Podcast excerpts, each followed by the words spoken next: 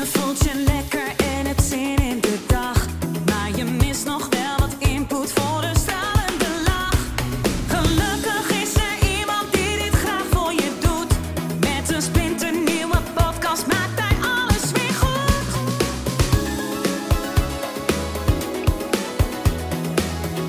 Maak weer eventjes vrij voor Edwin Selij. 1, 2, 3, test. 1, 2, 3, test.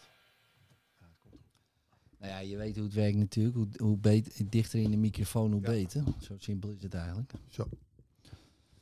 Ja, en eh, nou goed, we zijn begonnen. We knippen er niks uit. Behalve, Nee, gewoon. behalve gaan als jij het wil. Nee hoor, we gaan, we gaan gewoon. Ik ben blij dat ik er ben, Edwin. Heerlijk. Nou, top. Welkom. Ehm Baptiste de Pape. Dat is een, volgens mij de mooiste naam die ik ooit heb gehoord. Ja, het is een Franse naam. En die P spreek je niet uit, dus je zegt echt Baptiste. Baptiste. Baptiste de Pap, ja. De Pap. Eh, De Pap. Ook. De- Ja, in het Frans de Pap en Ja. in het Nederlands de Pape. Ja. Ja, en, en op zijn Amsterdamse Baptiste de Pape. De Pape, ja. Nee, welkom Dankjewel. Baptiste. Echt eh, tof eh, dat je er bent. Een hele reis natuurlijk. je, be- je bent een be- beetje op, op tournee, of niet? ja, op dit moment heel veel interviewverzoeken. Ah, ja. En ja, het gaat maar door. Ja. Een beetje ja, leuk. Ja, Ja, leuk. het wordt goed opgepikt. Dat het gaat allemaal organisch. En, en dank je wel dat je me hebt uitgenodigd. Ja, nou ja, ik, eh, ik eh, eh, heb je boek eh, bijna helemaal uit. En ja, die DVD Power of the Heart natuurlijk, die je hebt geproduceerd. ja, dat, dat was een geweldige DVD. Is een geweldige DVD. Voor de mensen die het nog niet hebben gezien, zou ik zeker gaan kijken. En een van die verhalen gebruik ik veel. Ja. over, oh, ik zal maar even zo doen. over vergeving. Want ja, dat is het mooiste uit te leggen eigenlijk. Ja. En ehm, ik ga niet eh, dat hele verhaal verklappen, maar eh, je moet het maar kijken. Maar in principe, als mensen moeite hebben om te vergeven, dat zien we ook wel vaak in hypnose, dan Ja. komen ze ergens terug en dan kunnen ze hun vader of moeder niet vergeven of een, of een nou ja, eh, geweldpleger, zeg maar. Hè. Dus die vinden ze dan moeilijk. Ja, en dan helpt dat verhaal enorm. Want als ze dat echt kunnen pakken. Zo, wat, wat drink je? Een gember eh, shotje? Ik word wakker van. eh, Oh my god. ik zit al sinds zeven uur in de auto. eh. dat is... Ja, u ziet eh, geen camera hierbij, maar eh, hij neemt- goed ook. hij hij neemt een slokje. ik denk, oh, dat is gember. Want ik, ik herken eh, zeg maar het gezicht. Ja. De gezichtsuitdrukking, dat is leuk. Dus even sh- in plaats van de cafeïne een gember. Ja, dat is beter hoor. Dat is echt beter. Ja, ik doe dat ook wel eens. Nee, maar dat verhaal is echt eh, super indrukwekkend. Ja, die hele DVD trouwens. Maar, eh, maar dat verhaal is mij, eh, is mij het meest bijgebleven. Ja, ik wil daar even iets over zeggen. Ja. Voor de mensen, hè, want heel veel mensen ontdekken het nu pas, The Power of the Heart, de film Ja. en het boek. Als je de film wilt zien, ga dan naar onze website, thepoweroftheheart.com. Dus dat is thepoweroftheheart.com. Oké, top. Dan kan je gewoon online eh, die film bekijken. Oh, wauw. Want ja, we kijken niet echt veel dvd'tjes meer Nee. in deze tijd. Nee, ik heb nog op DVD, man. Het is ouderwets. dat, was nog vroeger. Hoe oud ben jij, Edwin? Ik ben 47. 47. Nou goed, wij zijn dezelfde generatie. Ja, toch? Ja, ja. Want eh, jij bent vast 45, toch? Ik ben 45. Ja, dat had ik nog even gegoogeld. Ja. Ik denk, Maar dan zie je er goed uit. nou, insgelijks, man. Eh, heb je jezelf gehypnotiseerd voor eeuwige jeugd? eh? Nou ja, kijk, ik had vroeger... ehm, had ik eigenlijk een nadeel altijd. Eh, want ik kwam nooit een of andere discotheek binnen omdat ik te jong uitzag. En toen dacht ik, later heb ik hier een voordeel aan. Ja. Nou ja, dat Ja. is nu. Dus, dus dat is... eh, ja, dus eh, ik, blijf, ik ben goed geconserveerd gebleven. Ja. Nou, maar doe maar, ik daar... maar jij, jij gaat volgens mij wel elke dag naar de sportschool ook. Ik, ik train ook veel, ja, Ja, ja. ja, Ik ja. ben wel heel gezond bezig. Ja. nu. Hè. Ja. Dus ik heb een periode gehad van heel ongezond. Die heb ik ook meegemaakt. En nu, en nu wel vrij, eh, vrij gezond. En niet, niet heel extreem, maar ik, wel, ik ben wel van de extreme. Dus als ik sport, sport ik extreem vaak wel. En als ik gezond eh, eet, dan doe ik dat ook weer extreem. Alle kanten op. Dus, eh, dus dat doe ik wel, ja. ja. Dus ehm, ja, en, en meteen maar even een bruggetje. Een heel lang bruggetje. Maar dit is de Spiritualiteit de Spijkerbroek podcast. Ik ben blij dat jij er wel opgekleed bent. Ja. En, eh, Eigenlijk veel te warm om uh, spijkerbroek te dragen. het is echt... eh, ja, ik denk dat dit pas veel later wordt uitgezonden. Maar eh, voor de mensen die dit la- natuurlijk later luisteren, maar het is nu op dit moment 30 graden. Wow. Ja, dus eh, en, en Baptiste die zit in zijn spijkerbroek. Maar dat is, vind ik wel echt bewonderenswaardig, moet ik toch toegeven. Eh, maar wat, is, wat betekent spiritualiteit eh, voor jou? Ja, spiritualiteit betekent voor mij eh, contact proberen te maken met je ziel. Proberen te leven vanuit de ziel. Ja, Want eh, spi- spirit, dus spirit, eh, ziel, ziel, spirit staat voor de ziel in mijn ogen. Dus ja, de leer van de ziel. ehm, ja, de ziel is onze werkelijke identiteit. Ehm, en als je verslagen leest van mensen die bijna doodervaringen gehad hebben, dan zie je dus dat, eh, dat zij allemaal spreken over een bewustzijn dat volledig werkt los van het lichaam. En ehm, ik denk dat dat onze werkelijke identiteit is. En ik denk dat spiritualiteit daarover gaat. ja. En ehm, dus zeg maar je werkelijke identiteit. Ehm, maar hebben we dan allemaal zeg maar dan een ziel? Daar komt het dan op neer, toch? Nou, we hebben geen ziel, we zijn een ziel. We zijn een We hebben een lichaam. Ah, oké, ja, ja. Eh, dus we zijn allemaal een ziel.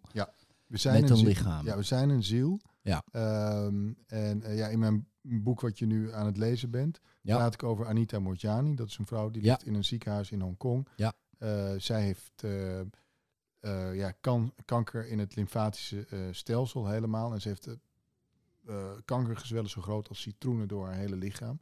En zij gaat in een coma. En ehm, terwijl ze in de coma is, ziet ze zichzelf in dat bed liggen. Ja, En eh, heeft ze in één keer een verhoogd bewustzijn. En ze noemt het zelf 360 graden bewustzijn. Dat ze in één keer overal tegelijkertijd kan zijn waar ze haar bewustzijn maar naartoe wil brengen. Plus ze ehm, ervaart een hele grote vorm van onvoorwaardelijke liefde. En ze merkt dat tijd niet bestaat. Dat, dat dus, dus dat alle realiteiten eh, par- parallel lopen eigenlijk. Er bestaat niet zoiets als tijd. En ze merkt dus, ehm, want ze ontmoet dus haar reeds overleden vader. En haar, eh, een van haar beste vriendinnen die ook aan kanker overleden was. En eh, die vertellen haar dus dat ze kanker heeft, omdat ze dus haar hele leven in angst geleefd heeft. En dat is in haar cellen gaan zitten en heeft zich dus uitgewerkt tot die kanker in haar lichaam. En ehm, ze komt dus tot de constatering dat haar werkelijke identiteit onvoorwaardelijke liefde is. En ook oneindige intelligentie. En dat ze vanuit dat bewustzijn moet leven. Ehm, en ze zeggen van, ehm, ja, je moet terug, want je moet deze boodschap gaan eh, ja, ja. delen. Het probleem is alleen dat ze niet terug wil. Want niemand die, die near death exper- experience heeft, wil terug. Hè. Nog nooit Nee. dat iemand gezegd. Maar als je nog een opdracht hebt om terug te gaan, moet je dus terug. Zij gaat terug.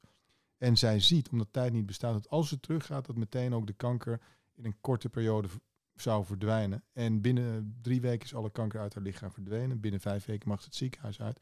Terwijl ze dus eigenlijk al opgegeven was. Ja, Dus de artsen staan voor een medisch wonder. ja, Uh, maar dit laat even zien wat dus die kracht van die ziel is. En ook de intelligentie van die ziel. Want op het moment dat je daarop afstemt, dan alles wat eigenlijk bij jou hoort, komt moeiteloos naar jou toe. ja, En dat is mijn boodschap over manifesteren. We hoeven niet allemaal te visualiseren en al die dingen te doen. We moeten ons afstemmen op onze ziel. En dan alles wat werkelijk bij ons hoort, komt moeiteloos naar ons toe. Omdat wij oneindige intelligentie zijn. ja. En natuurlijk, de hamvraag is natuurlijk hoe. Ja, dan kan je zeggen, koop het boek. Maar dat is trouwens een goed boek. Ja, dat, zeg ik sowieso. Dat sowieso vind ik ook, zeg ik ook gewoon. Dat, moet je ook doen. Ja. En Maar misschien even de titel noemen. Leer manifesteren zoals Oprah Winfrey en J.K. En Rowling. J.K. Rowling. En ja. haar naam zit er niet in, omdat de titel anders te lang zou zijn. Plus die twee anderen zijn natuurlijk zo super eh, bekend. Eh, Ja. Dat we besloten hebben om die naam in te korten. Ja, ja, ja. Ja, het is echt een eh, heel interessant boek, zeker. En eh, wat ik me wat tijdens het lezen ehm, ook afvroeg, ehm, hè, want zo van je bepaalt zelf, dat vind ik een interessante. Ik weet niet of, jij, of, of dat zo specifiek erin stond hoor, maar je bepaalt zelf wanneer je doodgaat of niet. Ehm, ervan uitgaande dat je zelf, dat de, de ziel is. Ja, de ziel, hè? Ja. Ja. Ja, ja, Niet, Eh, niet jij per se als persoontje, maar ehm, Nou, kijk, ik geloof in engelen. Ja. Eh, ik weet niet of je daar ooit mee bezig bent geweest. Maar ehm, er zijn heel veel verhalen. zij van- wel met mij, maar Ze zijn met je, want Ja. ze- en je mag ze altijd aanroepen. Maar er zijn zoveel verhalen van mensen die in één keer in een doodsbedreigende situatie gered zijn door engelen. Dat, dat- die kan je op YouTube zelfs vinden, die, Ja. die situaties. Dus zolang het niet jouw tijd is, word je beschermd. En dan is er een engel die ervoor zorgt dat jij Ja. je tijd kan uit, Ja. eh, uitspelen. Ehm, dus in die zin, ehm, ja, ga je pas wanneer het je tijd is. En het was haar tijd nog niet. Nee, precies, ja. Ja. Ja. want ik las ook in een ander boek van eh, Neil Donald Walsh eh, over dat fenomeen. eh, al jaren geleden. En die zegt van ja, je beslist zelf of je gaat of niet. En zelf is natuurlijk dan die ziel. Hè? Dus niet per se ik als Edwin. Want Edwin, ja, die wil of wel of niet. Of dat kan per dag verschillen bij wijze van spreken. Ja. Maar ja, ik heb dat zelf meegemaakt. Meerdere, meerdere keren. Near death experience? Nou, dat ik gewoon eigenlijk dood had moeten zijn. Oké. Maar, je- maar, maar je bent niet uit het lichaam gegaan. Ehm, ik ben wel vaak uit mijn lichaam gegaan, maar niet eh, per se eh, dood. Oké. Dus vroeger trad ik veel uit, bijvoorbeeld. Heb ik ook voor in het ziekenhuis gelegen. Dat is ook lachen, hè. Dan, eh, toen was ik een jaar of acht. En toen dachten ze, nou, die slaapt eh, 21 uur per dag. En toen heb ik daar zes weken voor in het ziekenhuis gelegen. En nou ja, ze konden natuurlijk niks vinden. Maar ik, heb, ik zat gewoon op school. En ik kon ook gewoon over. Ik heb een half jaar niet op school gezeten. En die leraar zei, nou, ik weet het niet. Hij weet evengoed alles. Ja. Ik denk, ja, ik zat gewoon in de klas. En Ja. ik, ik deed gewoon mee. Dat kan ik me ook nog wel herinneren.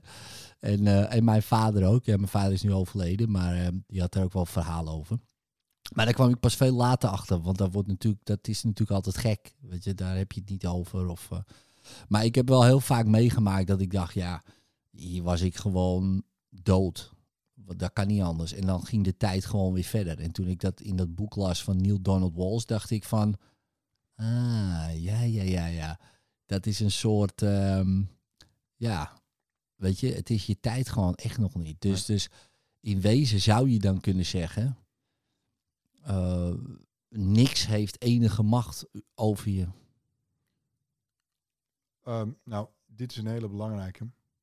Wat Anita Murjani leerde was... Want zij, zij deed yoga, ze was veganistisch, ze leefde super gezond, super spiritueel. Maar ze deed alles uit angst. Ja. Ja? Ja. En eh, in haar bijna doodervaring zag ze dat als je al die gezonde, zogenaamde gezonde dingen doet uit angst, dan ben je toch nog verkeerd bezig. Ze Ja. zegt, eh, we think fear keeps us safe, but love keeps us safe. Dus als je die dingen doet, moet je ze vanuit liefde doen, Ja. Maar niet vanuit angst. Ja. En nu, eh, nu ze terug is, leeft ze niet meer zo. Ze denkt, als ik zin heb in chocolade of ik wil een glas wijn of eh, dit of dat, Ja, dan doe doet ze al die dingen. Ze zegt van, we zijn hier om ervan te genieten. En als je al die gezonde dingen doet vanuit angst, eh, dan krijg je alsnog die angst in je cellen en in haar geval dus die kanker. Ja. En ik denk dat dat heel belangrijk is, dat alles wat we doen, dat we dat vanuit liefde doen en niet vanuit angst. Want angst houdt ons niet veilig, liefde houdt ons veilig. Ja, dat is heel mooi. Maar eh, daar, ik denk, dat is ook zo'n mooie quote natuurlijk. We zijn veel meer bang voor het licht eh, Ja. in ons dan, eh, dan het donker eigenlijk in ons of om ons heen of wat dan ook, hoe je het ook Ja. noemt. En ik denk, ik, ik geloof het ook zeker wel, want het is ook... Ik heb, ik heb vroeger wel, ik had als hobby, eh, misschien weet je dat misschien niet, maar ik had als hobby geesten weghalen bij mensen. Dat was mijn hobby. Een exorcist dan? ja, zoiets, ja. ja.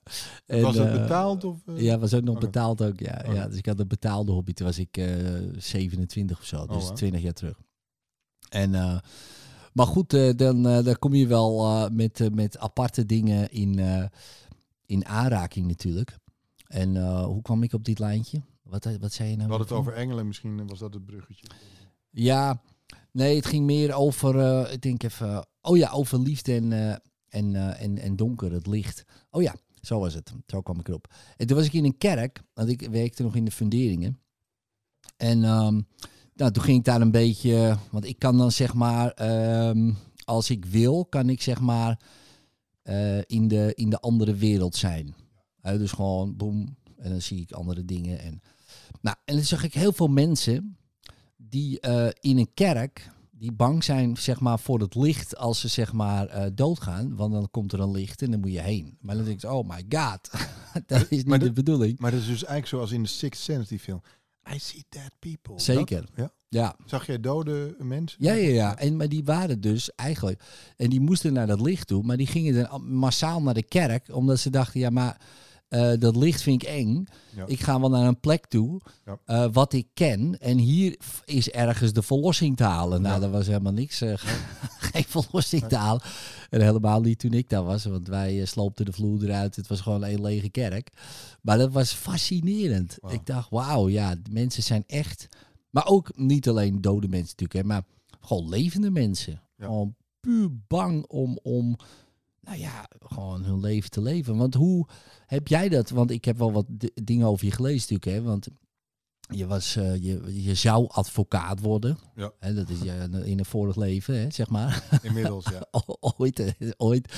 En, en daar had je natuurlijk een heel idee bij, toch? Ik bedoel, je zat op een school en je was daarmee bezig. En, eh, Ja, ik ja je, je, je, ik heb rechten gestudeerd, dan word je me- meester in de rechten. eh, en ja, dan ga je kijken of je op de Zuidas in Amsterdam aan de slag kan. ja, Eh, nou, dat lukte. Eh, alleen ik voelde toen van, hé, hey, ehm, we- weet je wat het is? Kijk, jouw hoofd kan van alles willen. Mhm. En mijn hoofd wilde eh, advocaat worden en partner bij een groot kantoor op de Zuidas. Status, hè? ja, Eh, maar die energie, en nu kan ik beter beschrijven dat het mijn ziel is, die wilde dus wat anders. ja, En het probleem is dus, als jij dus alleen maar naar je persoonlijkheid luistert, of je ego, hoe je het wil noemen, of je hoofd, maar jouw ziel wil wat anders, krijg je Ja. dus een zwaar innerlijk conflict. Ja. Plus jouw ziel gaat jouw eh, ja, persoonlijkheid saboteren. Die zegt, ja, jij wil advocaat worden, maar ik, ik, heb, ik, ik heb dat anders te ja, doen we hier. hebben een ander plan. Ja. Ja. ja, zeker. Ja. ja, dus eigenlijk had je, want je bent niet in een soort burn-out geraakt. Nee, Nee. Ehm, ik zal heel kort vertellen. Nou, als, ik probeer het kort te vertellen, maar eh, ik, ik, eh, nou, ik was bij een van de grootste kantoren in Amsterdam, internationaal kantoor. En ja, je begon daar met, denk ik, nou, 35 mensen of zo. En dan is er een soort afvalrace in die sollicitatie. En je moet allerlei zware testen doen. Eh, wiskundige testen, allerlei dingen waarvan ik denk het heeft niets met het recht te maken. Maar je wordt ook getest op je stressbestendigheid Ja, en bla bla ja. bla. Ehm, anyway, uiteindelijk kreeg ik een aanbod. Maar ehm, ik voelde toen van ja, als ik hier ga tekenen, ja, dan ga ik hier zeven dagen per week zitten en wil ik Hmm. partner worden. En dit wordt een gevangenis voor mij. Ehm, en ze zeiden van je hebt twee weken om het aanbod eh, aan te nemen, anders vervalt het. Dus ik dacht van oké, hier heb ik heel hard voor gewerkt, maar ik wil het niet. Dat, Hmm. wat, wat ga ik nu doen? Dus ik dacht oké, ik heb twee weken. Ik ga in die twee weken ga ik proberen uit te zoeken wat ik werkelijk wil. Ja, en wat doe je in deze tijd als je snel iets wil vinden? Dan ga je op het internet. Dus ik ging googlen, hoe kan ik mijn doel in het leven vinden? Oh ja, ja, ja. En toen stuitte ik dus op een video waar Oprah, die komt ook weer terug in het boek, Ja. in gesprek was met Eckhart Tolle. Hmm. En de video begon met Oprah die zei, I think there's nothing more important than finding your purpose in life. Wauw. En Eckhart die zei, yes, Ja. but you, can, you cannot get there through thinking. Je kan dus niet door denken komen. Nee. En toen dacht ik, wauw. Dat is het enige wat ik kende denken. Ja. Dat ons- En daar was je goed in. Ja, Ja. En, en, en ons onderwijs is lineair, logisch, rationeel. Ja. En hij zei, you cannot get there through thinking. En toen ging hij verder en hij zei, if you want to find your purpose in life, then you can ask yourself, what do I want from life? But a more powerful question would be, what does life want from me? Dus wat wil het leven van mij? En hij zei, if you want to find answers to that question, you have to look for moments of stillness. And the best way to find stillness is to go into nature. Dus je moet niet vragen wat wil ik, maar wat wil het leven van mij? Dus het leven is eigenlijk hetgene wat jouw leven geeft, is de ziel. Ja. En eh, daar ben ik op gaan mediteren. In het, in het park en daarna... Dat deed je al, mediteren. Nee, ja, mediteren. En met mediteren bedoel ik, ik ben me die vraag herhaaldelijk gaan Ja, stellen. gewoon de hele tijd eh, mee bezig gegaan. Ja, ja. Dus ik ben een park ingelopen. Daar, Met je denken ook dan. Met, met mijn denken. Ja, ja, en aansluitend is was mooi, daar een bos. Maar er gebeurt natuurlijk wel iets als je bepaalde Tuurlijk. dingen gaat vragen. En ik stond en liep door, door het park. Wat wil het leven van mij? Wat wil het leven van mij? Wat wil het leven van mij? Nou, ik denk na anderhalf, twee uur gebeurde er niets. Het begon ineens keihard te regenen. En ik, ik vergat te vragen en ik moest schuilen. Het was echt stortbui. En ik stond onder een boom. En in één keer voelde ik een soort van... Als ik het moet beschrijven, alsof er een bot in mijn hart brak. Gewoon heel pijnlijk. Ik dacht, oh my god, ik ga hier dood. Ik dacht dat ik een hartaanval had of zo. En ehm, ik dacht, het is voorbij. En dat is misschien het antwoord. Wat wil het leven van mij? Boom, het is klaar. weet Ja. je. En toen ik dat voelde, ineens werd ik overspoeld door een enorme eh, gevoel van liefde en van thuiskomen. En oh, heerlijk. En toen ik dat voelde, als een download kwam het idee, je moet een, hart over, eh, je moet een film over het hart maken. En ik, eh, toen dat kwam, voelde ik me zo goed. En Ik had nog nooit zoveel liefde gevoeld. En ik dacht, halleluja, dit is het. Ik moet een film over het hart maken. Ik stond daar onder die bomen in die regen. En ik had tien minuten, was ik eh, Eureka, halleluja. En na tien minuten kwam dat hoofd weer van, ja, dit slaat nergens op. Je bent jurist, dus je weet niets over het hart. Je hebt nog nooit een filmproductie gedaan. Het slaat nergens op. Maar ik dacht ook van, ja, ik heb altijd braaf mijn hoofd gevolgd. Weet je wat, ik ga die energie volgen. En nou, vijf, jaar, vijf jaar later was die film Ja. er en het boek. En het is in 80, Waanzinnig, hè? 80 landen uitgebracht, 45 talen over Ja. de hele wereld. Dus eh, ja, Waanzinnig, toch? ik zou zeggen, volg je hart. Want Ja, het hart is ambitieuzer dan je hoofd. Ja, Ik, bedoel, het hoogste wat ik vanuit mijn hoofd had kunnen bereiken was partner op groot kantoor op de Zuidas. ja precies. En mijn hart zei, nee, nee, we gaan de hele wereld over. Ja, En dat is gebeurd. waanzinnig, hè? Maar ja, dan moet je nog wel het lef hebben om het te doen. Ja, maar het, Of niet? ja, het belangrijkste wat je moet ontwikkelen, al, dat zei Maya Angelou, die zit ook in de film en in het boek, The Power of the Heart. Die zei, het belangrijkste eh, virtue, ehm, kwaliteit die je moet ontwikkelen als je vanuit het hart wil leven, is moed. Want waarom? Ja. De, de buitenwereld gaat jou niet meer begrijpen, want je luistert naar een innerlijke autoriteit. En er is geen ah, ah, autoriteit buiten je meer. Dus iedereen gaat denken dat je gek bent. Maar als je maar trouw blijft aan je hart en je blijft die energie volgen, zal je zien dat het hart je altijd naar je bestemming leidt. Kijk, je moet de verhouding tussen hoofd en hart zien. Het hoofd ziet alleen maar lineair. Dus als je bijvoorbeeld op een boot op een rivier ziet, dan ziet het hoofd alleen maar de eerstvolgende bocht. Ja. Maar het hart is verbonden met je ziel, want het hart is de zetel van de ziel. En het hart ziet de hele rivier van bron naar de zee en ziet alles vanuit vogelvluchtperspectief. Maar jij moet leren vertrouwen op je hart en dat kan alleen maar als je leert experimenteren. Dus het hart moet eh, jou leiden en het hoofd moet dan de dienaar worden. En wat wij gedaan hebben in onze maatschappij is het hoofd de leider gemaakt Ja, ja, ja. en het hart is er niet eens. Ja, het is een mooie quote van Osho, hè? ook eh, van eh The mind is a beautiful servant, but a terrible master. En ja, zo, zo is het ook wel, ja.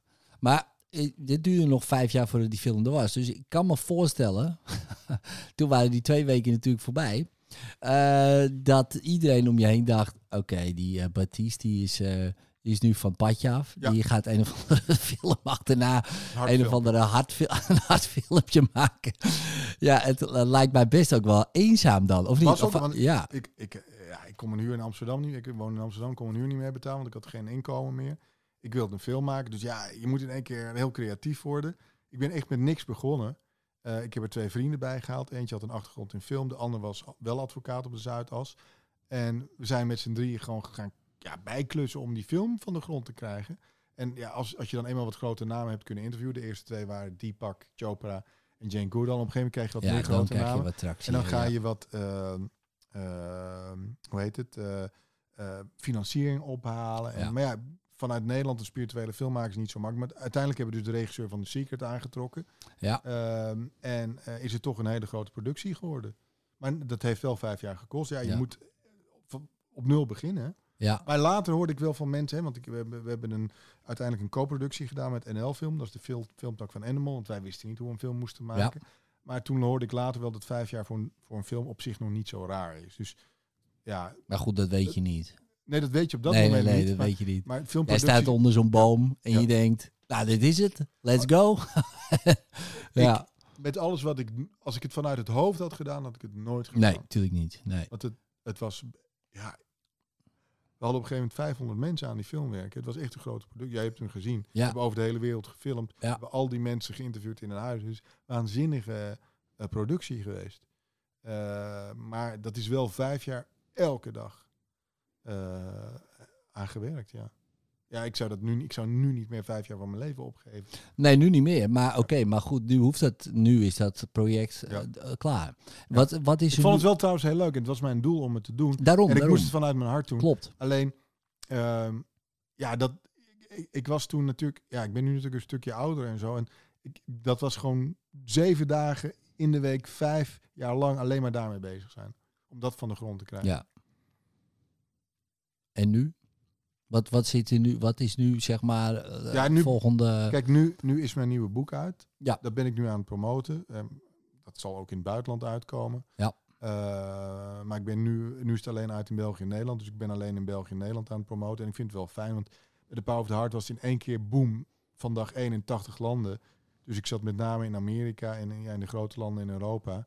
Dat was, was wel overweldigend. Ik heb drie jaar de wereld over gereisd Ja. om dat te promoten. Want ja, je kon overal naartoe. Ja. Eh, en nu vind ik, het- nu kan ik, ik werd wa- wakker in een hotel en ik wist echt niet meer waar ik was. Ik, ik leefde op luchthavens. Ja, ik sportte niet meer. Ik werd helemaal dik, snap je? Als je drie jaar lang alleen Ja, maar op luchthavens en hotels woont. En ik heb overal volle zalen gehad. Eh, dus het- je had wel je succes, alleen je, je hebt je leven niet meer onder controle, weet je wel? Dus op een gegeven moment, na drie jaar verlang ik gewoon eh, rust. Ik wil gewoon Ja, eh, ja. twee, jaar- twee jaar uitrusten. En grappig is dat, hè? Ik heb vijf jaar aan die film Ja. gewerkt en dan drie jaar de wereld over. Dus ik had acht jaar met was ik daarmee bezig. geweest. Ik dacht, nou, ik moet nu gewoon eh, even een hele lange periode bijkomen. Ja. Ja. En nu? Ga- Is dat zeg maar, zeg maar die periode, dat is nu zeg maar dan een jaar of vijf terug. Dat je echt helemaal Ja, ik ben in, laten we zeggen, 2018 echt eh, even aan even, even stop. Ja. En eh, toen ben je, eh, je eh, op een gegeven moment je boek gaan schrijven. Dit boek heb ik al een stuk in Amerika geschreven. Eh, dus het nieuwe boek. Ja. Eh, het is ook in het Engels geschreven en dit is dus de Nederlandse vertaling. Oh ja, ja, ja. Eh, maar dat, ik speelde daarmee. Ik had een interview gezien tussen Oprah Winfrey en J.K. Rowling. Ja, En ik vond het zo goed, want ja, we beseffen dat niet. Want we zien alleen het succes. Oh, ze zijn al bij miljardair geworden en zij heeft Harry Potter gedaan en zij heeft de grootste talkshow van Amerika. Maar we beseffen niet wat voor verschrikkelijk slechte startpositie ze hadden. Ja. En Anita Morjani, die vrouw eh, die in Hongkong op Ja, ja. lag ook. Dus ik dacht van, wauw, hoe kun je nou vanuit zo'n slechte startpositie zo'n succes manifesteren? Want kijk, wij wonen in Nederland. En Ja. Jij hebt misschien ook wel moeilijkheden gehad, maar niet die bittere armoede, neem ik aan, zoals Oprah. nee, nee, nee. Eh, ik heb geen armoede gekend. Nee. Oprah is geboren in Mississippi, as poor as you can be without having a roof over your head. Haar moeder was dienstmeid en haar grootmoeder ook. En haar grootmoeder was was aan het ophangen en zei... I hope you find yourself some nice white folks. Van, van ja, de programmering was dat zij Ja, ook ja, dienstmeid zou worden. Dus het is toch waanzinnig dat zij zo... eh. En, en ze, in haar eigen woorden was ze dik, eh, eh, vet en ugly. Hè? eh, dat zijn haar woorden. Ja. En zij, ze had niet veel om voor te leven, maar ze was wel lid van de Baptist Church. En ze zei, ik heb niet veel voor te leven, maar ik geloof wel in God. God, pff, weet je, ik heb niks meer te verliezen, ik heb niet veel voor te leven. Oprah zei, use me, use me, gebruik mij, gebruik mij. Dus dat is ook van, wat wil het leven van mij? Precies. Ga je gang maar, Ja. want ik heb niks meer te willen. Ja. En ik denk dat dat het geheim is van succes. Ja. Ja, van, van eh, gewoon überhaupt gewoon, ja, wat is dan eh, succes? Hè? Gewoon eigenlijk gewoon je leven leiden zoals het bedoeld is, toch? Ja. Dan dat Ja. succes. Ja, ja, maar de-. Kijk, voor mij is succes dit. Gary Zukav heeft een boek geschreven, De Zetel van de Ziel, in het Engels The Seed of the Soul. En hij zegt daarin, je, je, je creëert authentic power, in het Nederlands authentieke kracht, wanneer de persoonlijkheid, de energie van de ziel gaat dienen. En dan Ja, gaat je precies. leven stromen. Ja. Dus onze persoonlijkheid moet niet zijn eigen agenda doen. En dan zie ik wat wil ik manifesteren? Auto, eh, vrouw, eh, huis, geld. Het is allemaal vanuit het ego, de persoonlijkheid. Nee, je moet vragen, wat wil de ziel? De intenties van de ziel, die moet je vinden. En dan ga je dus samenwerken met je ziel. En dan gaat de persoonlijkheid of het hoofd die ziel dienen. En dan word je echt succesvol. Want dan volg je je soul signature. Ja, of je, precies. je imprint. Ja, En dan doe je wat je hier kom, moet komen Ja. doen. Zolang jij iets doet vanuit de persoonlijkheid en je ziel zegt nee, ik wil wat anders doen, ga je de hele tijd sabotage ervaren. ja. dat, ja, ken, dat ken jij sabotage. ja, ja, zeker. Ja. Zeker. Ik bedoel, eh, als er eentje hebt gesaboteerd, ben ik het wel. Ja. dat is eh, op zeker. Maar je weet ook hoe het voelt als je vanuit die ziel werkt en dat alles stroomt. Ja, absoluut. Absoluut. En, en soms gaat het een kant op. eh, kijk, ik heb altijd eh, wel, eh, dat is wel grappig, gedaan wat ik leuk vond. En ik heb altijd ook gezegd, al toen ik jong was, ik denk dat ik 15, 16 was, dat ik dat besloot. Ik ga niks meer doen, gewoon wat ik niet leuk vind. En dat, dat doe ik nog steeds.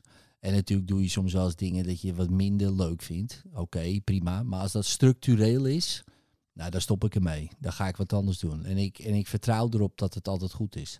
Dus ik heb dat altijd wel heel sterk gehad, dat, eh, dat hele idee.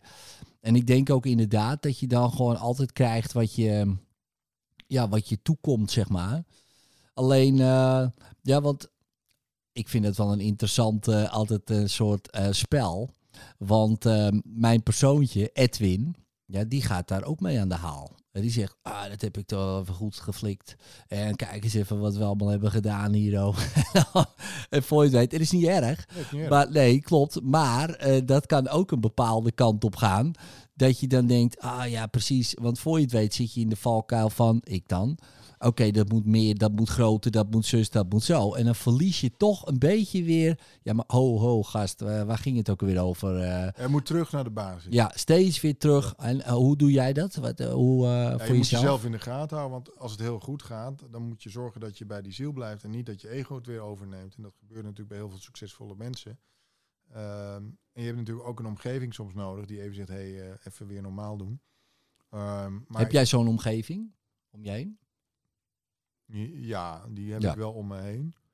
Ehm, ik ben nu natuurlijk ook, doordat ik ouder ben, ook wel wat eh, rijper. En ik, ik kan het zelf wel wat makkelijker Ja. zien. En ik ben, het is heel raar, maar als je ouder wordt, word je ook wel wat nederiger. ehm, eh, omdat je natuurlijk ook wel levenservaringen hebt en ziet dat alles relatief is, ook succes. Ja, En absoluut. ik zie heel erg duidelijk dat ik het niet ben. Hetgene wat mij succes creëert, is hetgene wat ik door me heen laat stromen, die Ja. ziel. Ja, precies. Ja. Vind je ook niet dat, dat als je dan zeg maar sommige dingen leest van je, jezelf, even tussen haakjes, eh, van wow, dit is echt geniaal man. Dat kan ik nooit bedacht hebben. Heb je dat wel eens? Nou, als, stel nou dat eh, als ik mezelf bijvoorbeeld zie in een interview of zo, dan, heb dan zie ik gewoon daar een persoon zitten. En Ja. dan heb ik niet eens echt dat ik dat ben.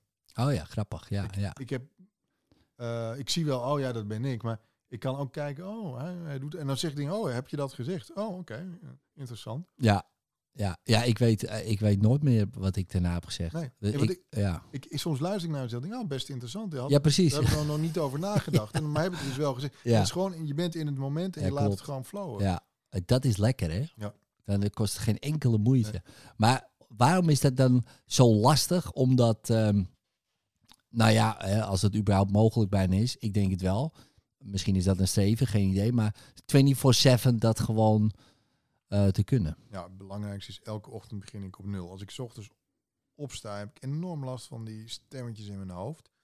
En dan wil ik koffie en dan, dan zet ik dus Wayne Dyer op. Oh ja, Iets meditatiefs of ga ik mediteren op dankbaarheid. Maar ik moet elke dag weer op nul beginnen. oh ja. En ik Oh, denk dat mooi, dat het belangrijkste is. Dat je elke dag weer gewoon op nul begint om Ja. in dat hart te komen.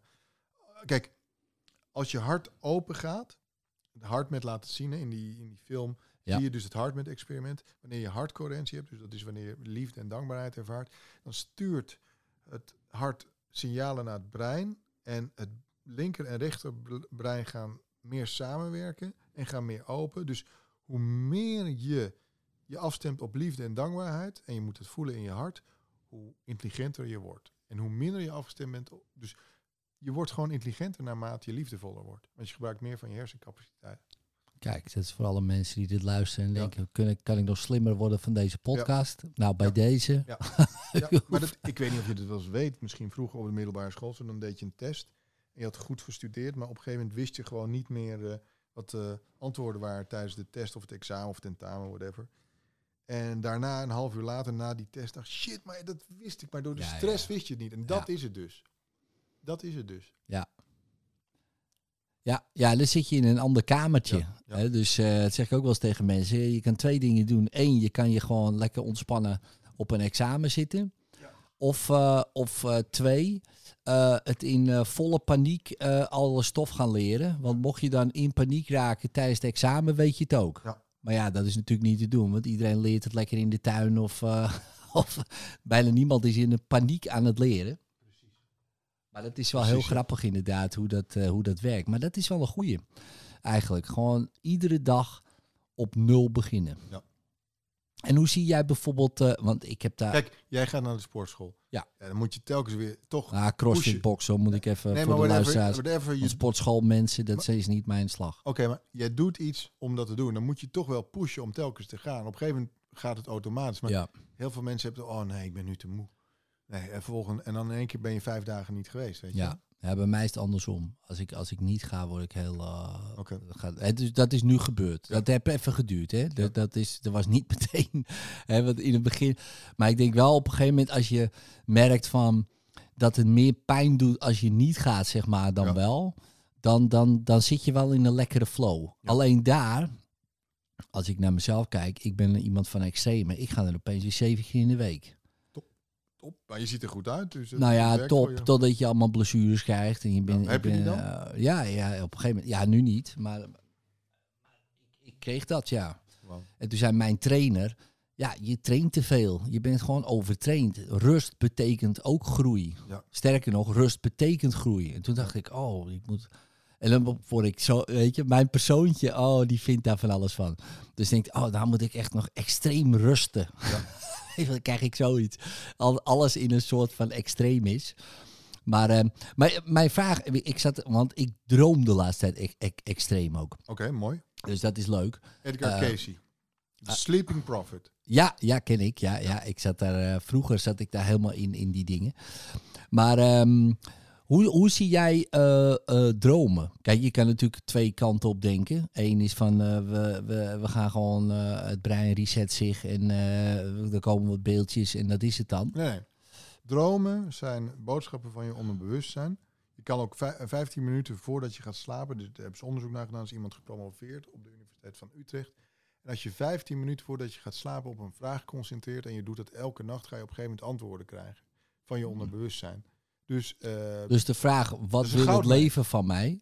ja, dat heb- zou een goede vraag zijn Ja, voor mensen die ja. dit luisteren. Om iedere nacht voordat je... ja, maar je kan ook eh, de, de uitslagen van voetbalwedstrijden dromen. Ja, ja dat, heb Alles. ik al, eh, dat, heb ik, al- dat kon ik vroeger Dus, ook goed. Ja. Ajax eh, Feyenoord en dan Ja. 2-0 voor Ajax. Ja. Ik, ik heb wel eens uitslagen gedroomd voordat de wedstrijd gespeeld werd. De alle, maar dat, dat is logisch, want het veld weet alles. Ja, het is eigenlijk al gespeeld. ja. Dat is soms ook wel heel fascinerend. Ja. Ik heb wel eens als ik een voetbalwedstrijd kijk. En dan denk ik, goh, hoeveel zou het worden? En opeens weet ik het. Dan Ja. denk ik, god, van, en dan is het bijvoorbeeld dat ze verliezen vaak. Dan, eh, en, dan, en dan denk ik, oh, ik ga het toch afkijken. Dan denk ik, shit, wie, wie jongen. is eh, verliezen Ajax? Ja, Ajax dan. Ajax dan. Ehm, of een Nederlands elftal. Ja. Een van de twee. Eh, of ehm, een, een Nederlandse ploeg die bijvoorbeeld wat verder komt in Europa. Dat vind ik ook interessant. Verder kijk ik, dit is een beetje overkill. Maar, Ja. maar verder kijk ik niet. Maar, maar dat is dan interessant, want dan, het is dus al gespeeld. Hè? Ja. Dus ergens al. Ah, ja, want er, er, er is geen tijd. Er zijn alleen maar Precies. parallele realiteiten. Alles vindt nu plaats. Daarom. Dus, dus in wezen is dit leven eh, al geleefd. Ja. Dan, hè? Dus, dus Als jij in dat bewustzijn zit, dan kan jij het hele leven van Edwin eh, zien. Ja, ik weet ook ongeveer wel waar het heen gaat. Ja. ja.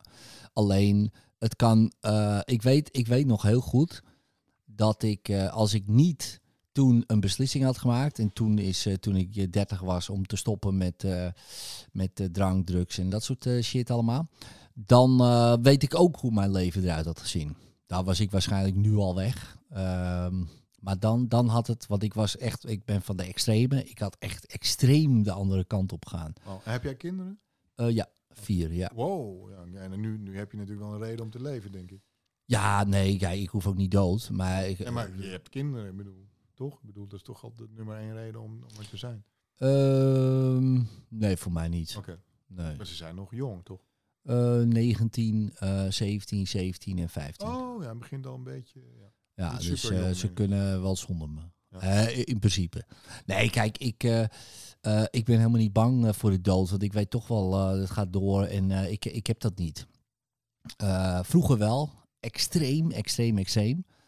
Maar omdat ik nu zoveel gezien heb, ook daarna, zeg maar.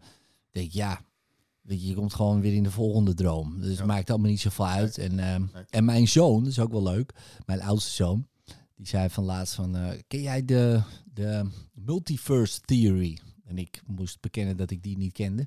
Ja, wel van het multiversum en zo. Hij zegt, in mijn universum kan jij dood, maar ik niet.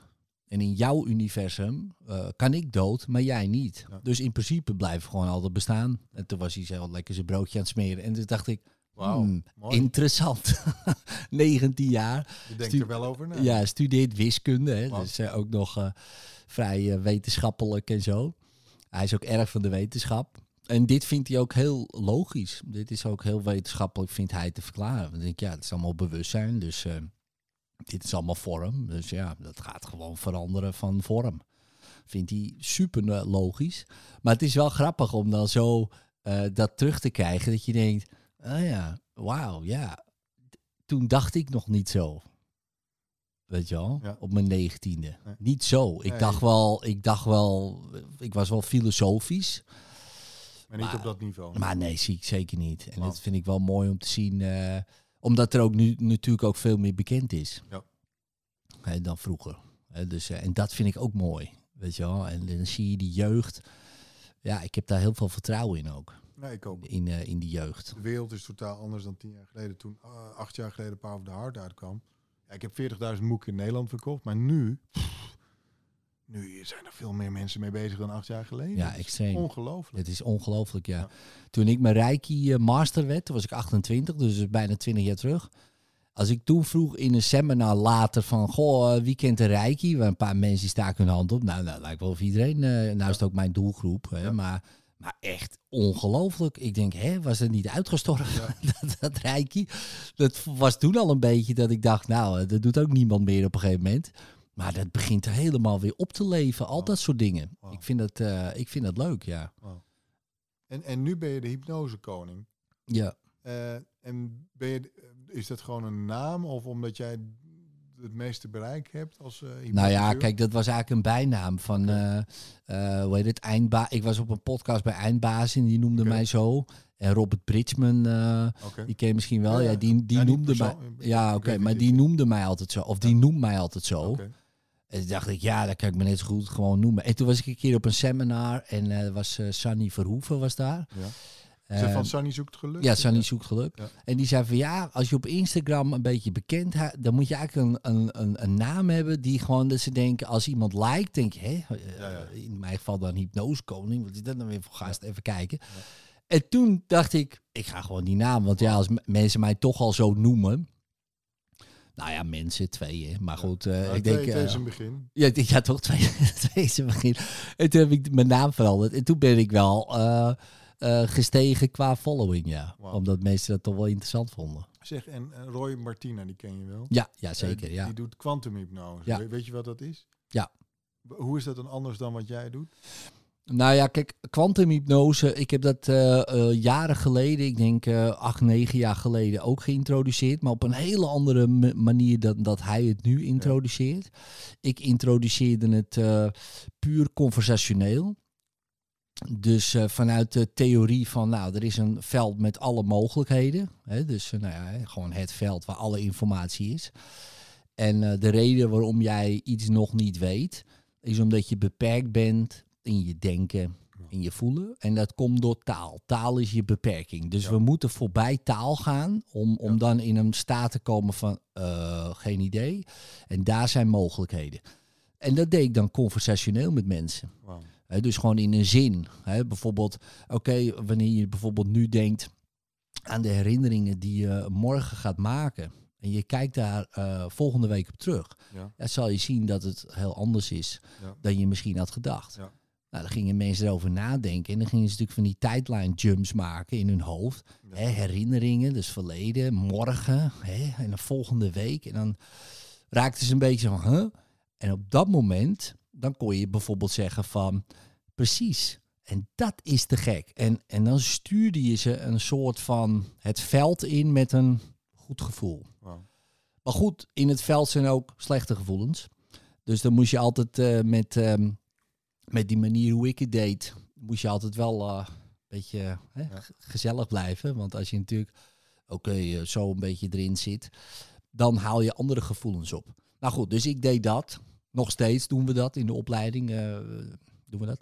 Maar Roy, die, ehm, eh, die pakt zeg maar, eh, voor zover ik het weet, hè, want ik heb het niet helemaal ondergaan of zo. Maar zeg maar die multiverse eh, theorie, dat idee van parallelle levens, wat ik ook helemaal eh, onderstreep, zeg maar. ehm, pakt hij en gaat hij zeggen, oké, er is één leven, is je perfecte leven. Nou ja, je zou kunnen zeggen, het leven van je ziel, hè, bijvoorbeeld. Dus die, daar gaan we op intunen, daar gaan we een diep trans identificatie mee maken. En daar gaan we dan die informatie downloaden, zodat je nu daar bent. Nou, top. Wauw. En je werkt dus met het onderbewustzijn. Ja, of hoger, hè. Oké. Ja. Hetzelfde. Voor mij wel. Nou ja, het is niet hetzelfde in de zin van qua woorden en qua uitleg. Maar in principe is het allemaal natuurlijk gewoon één. Ik heb aan Roy gevraagd, ziel en onderbewustzijn is hetzelfde. En hij zegt, ja, dat is eigenlijk wel een beetje overlap, maar dat is ongeveer wel hetzelfde. Is dat voor jou ook zo? Nou ja, niet helemaal. Want eh, je onderbewuste zijn ook gewoon alles wat je aangepraat is door... eh, Alle programmering. Ja, door je, door je, door je omgeving, Ja. ervaringen eh, en opvoeding. Zeg, zie jij, ik, zie, ik ontmoet heel veel spirituele mensen eh, die dus wel wakker zijn en eh, op hun ziel zijn afgestemd, maar die hebben blokkades op geld. Het zijn dan, dan programma's onder bewustzijn. Ja. Ehm, hoe doorbreek je zoiets?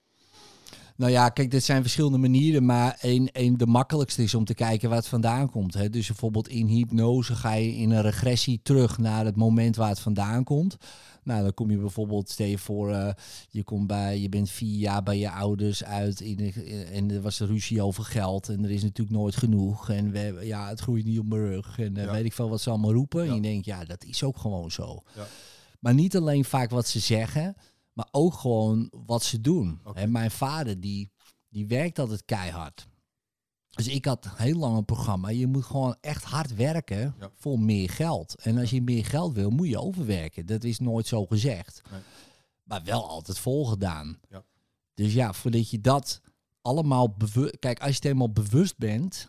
eh, voor mij dan is het makkelijk te veranderen. Omdat ik al 15 jaar hypnose doe en ik kan dat veranderen. Ja. Maar, ju- maar het, onbe of het bewust maken van die onbewuste programma's... Oh my god, dat is echt wel een ding. Hoe verklaar je nou dat, hè, bijvoorbeeld bij Oprah, hè, die, dus die moeder was dienstmeid en haar grootmoeder ook in het programma wat ze haar wilde meegeven. Nou, ik hoop dat hè, you find yourself some nice white folks. Ja. Hoe verklaar je nou dat iemand dat niet accepteert en daar helemaal bovenuit stijgt? Ja, ehm, Van jonge, op jonge leeftijd al. Ja.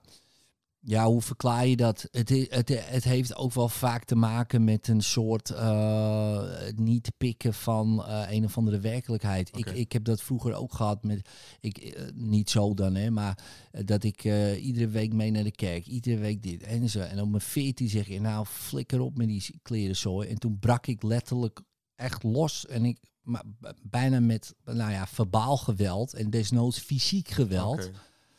Uh, en dat is eigenlijk, dat is heel lang zo gebleven. Echt twintig jaar lang was ik gewoon echt vrij eh, rebels. Echt helemaal losgebroken van elke, elke programmering die je maar kan bedenken, die ik maar, ik was echt boos. Nou, en op een gegeven moment wordt dat weer een programma eh, wat je tegen gaat staan. Want het is leuk, hè? dus ergens heb je het nodig om los te breken. Uh, en dat vond ik ook zo mooi wat jij zei in jouw boek van Oprah. Hè? Dus die is losgebroken ergens. En die gaat dan een talkshow doen. En denkt, ja oké, we gaan het op die manier doen, die talkshow. Oh, we gaan meer sensatie, kijkcijfers. En daar weer die realisatie maken van... Nee, nee, nee, nee. Weer even terug. Take the high road. Ja, en take the high road. Maar eigenlijk ook weer op nul beginnen die Ja. dag. Oké, wacht even. Je, hebt nu, je bent losgebroken. Het is gelukt. Ja. Oeh, en dan komt de volgende ja, want het was eh, eerst een soort Jerry Springer show, dat ken je ook nog wel. Ja, zeker. En zeker. ze zegt op een gegeven moment, jaren later, the reason um, that I chose a different platform than uh, Sensation is the reason that I still have a show. Ja, zeker. Ja. Ja, want Jerry, eh, Ja. Hoe is Jerry? Ja, Weet dat, je was, dat allemaal KKK en uh, Ja. eh, dat echt Het werd steeds gekker. stoelen gooien. En, Ja, het werd steeds gekker. In het begin was het nog geinig. Weet je, Geraldo en, eh, en dat soort dingen allemaal. Maar dat is allemaal weg natuurlijk. Want je kan niet gekker dan gek.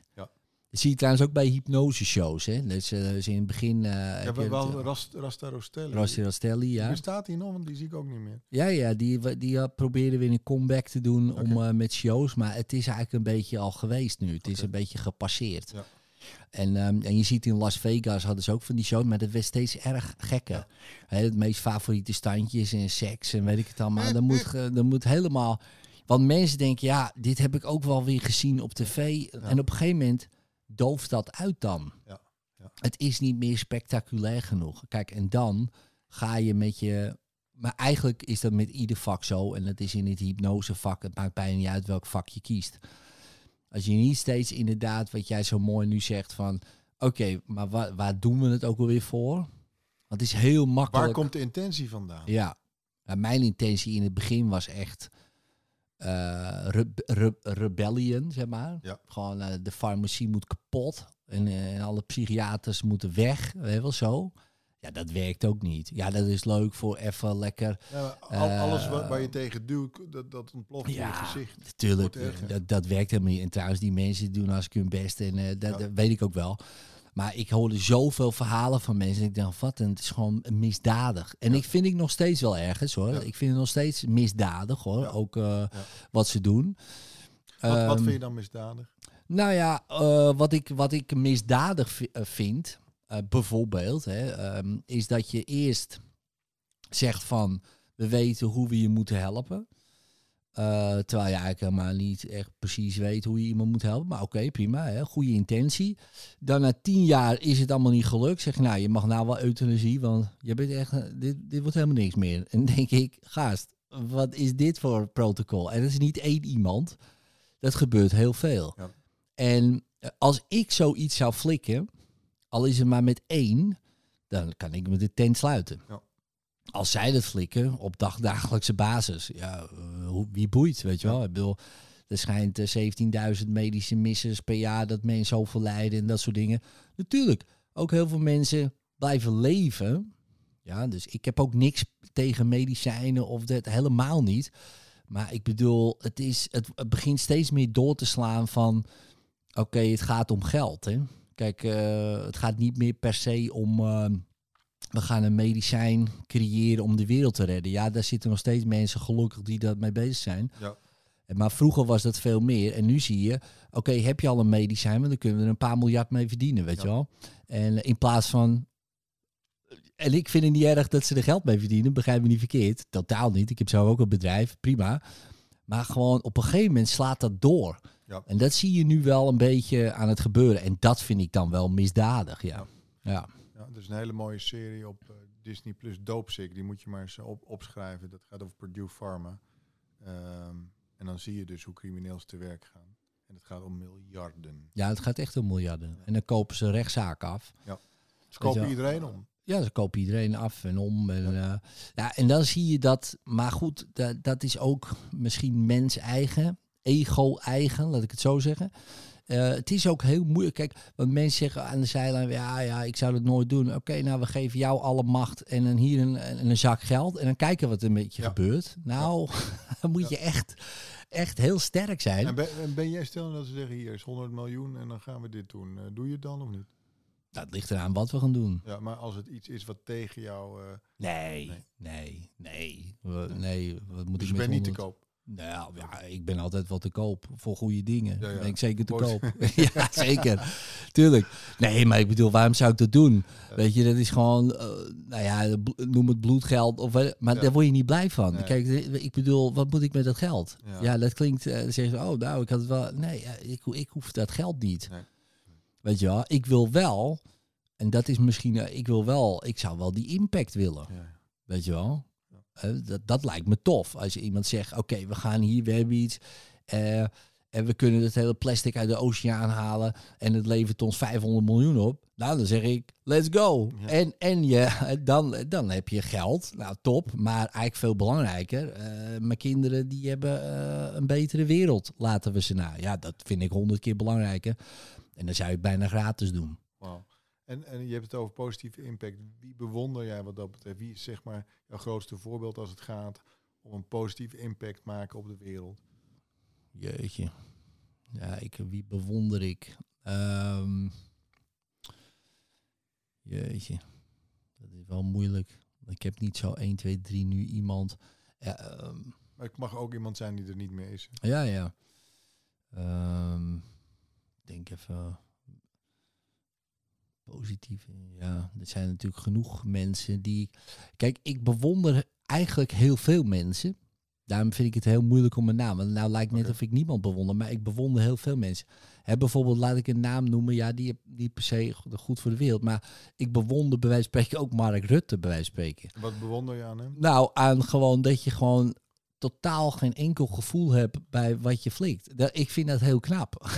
ik, heb dat, ik zou dat niet hebben. Maar, maar wat bewonder je daar dan aan? Want Nou, dat vind ik, dat, dat bewonder ik wel. Dan denk ik, nou, goh, dat, dat zou ik hebben. Ik, ik maak me al druk als iemand een negatieve reactie hebt. En hij maakt zich totaal niet druk over. Ja, tuurlijk. volgens mij maakt hij zich daar heel erg druk om, maar zie je dat niet? Nou, dat vind ik dan ook heel knap. Ja.